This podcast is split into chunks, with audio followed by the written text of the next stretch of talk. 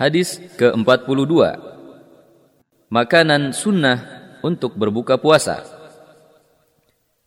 انس بن مالك رضي الله عنه يقول كان رسول الله صلى الله عليه وسلم يفطر على رطبات قبل ان يصلي فان لم تكن رطبات فعلى تمرات فان لم تكن حسى حسوات من ماء Dari Anas bin Malik radhiyallahu anhu ia berkata, Rasulullah shallallahu alaihi wasallam pernah berbuka puasa dengan beberapa kurma basah sebelum sholat.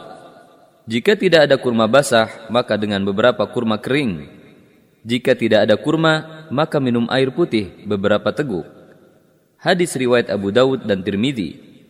Dan ini lafad Abu Dawud. Menurut Imam Tirmidzi, hadis ini Hasan Gharib dan menurut Al-Albani hadis ini hasan sahih. Perawi hadis. Lihat hadis nomor 8. Beberapa faidah hadis ini adalah disunahkan berbuka puasa sebelum salat maghrib dengan beberapa kurma basah.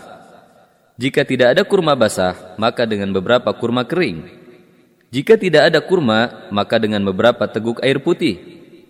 Jika tidak mendapati salah satunya dari ketiganya, maka berbuka dengan makanan atau minuman apa saja yang halal dari Allah Subhanahu wa taala.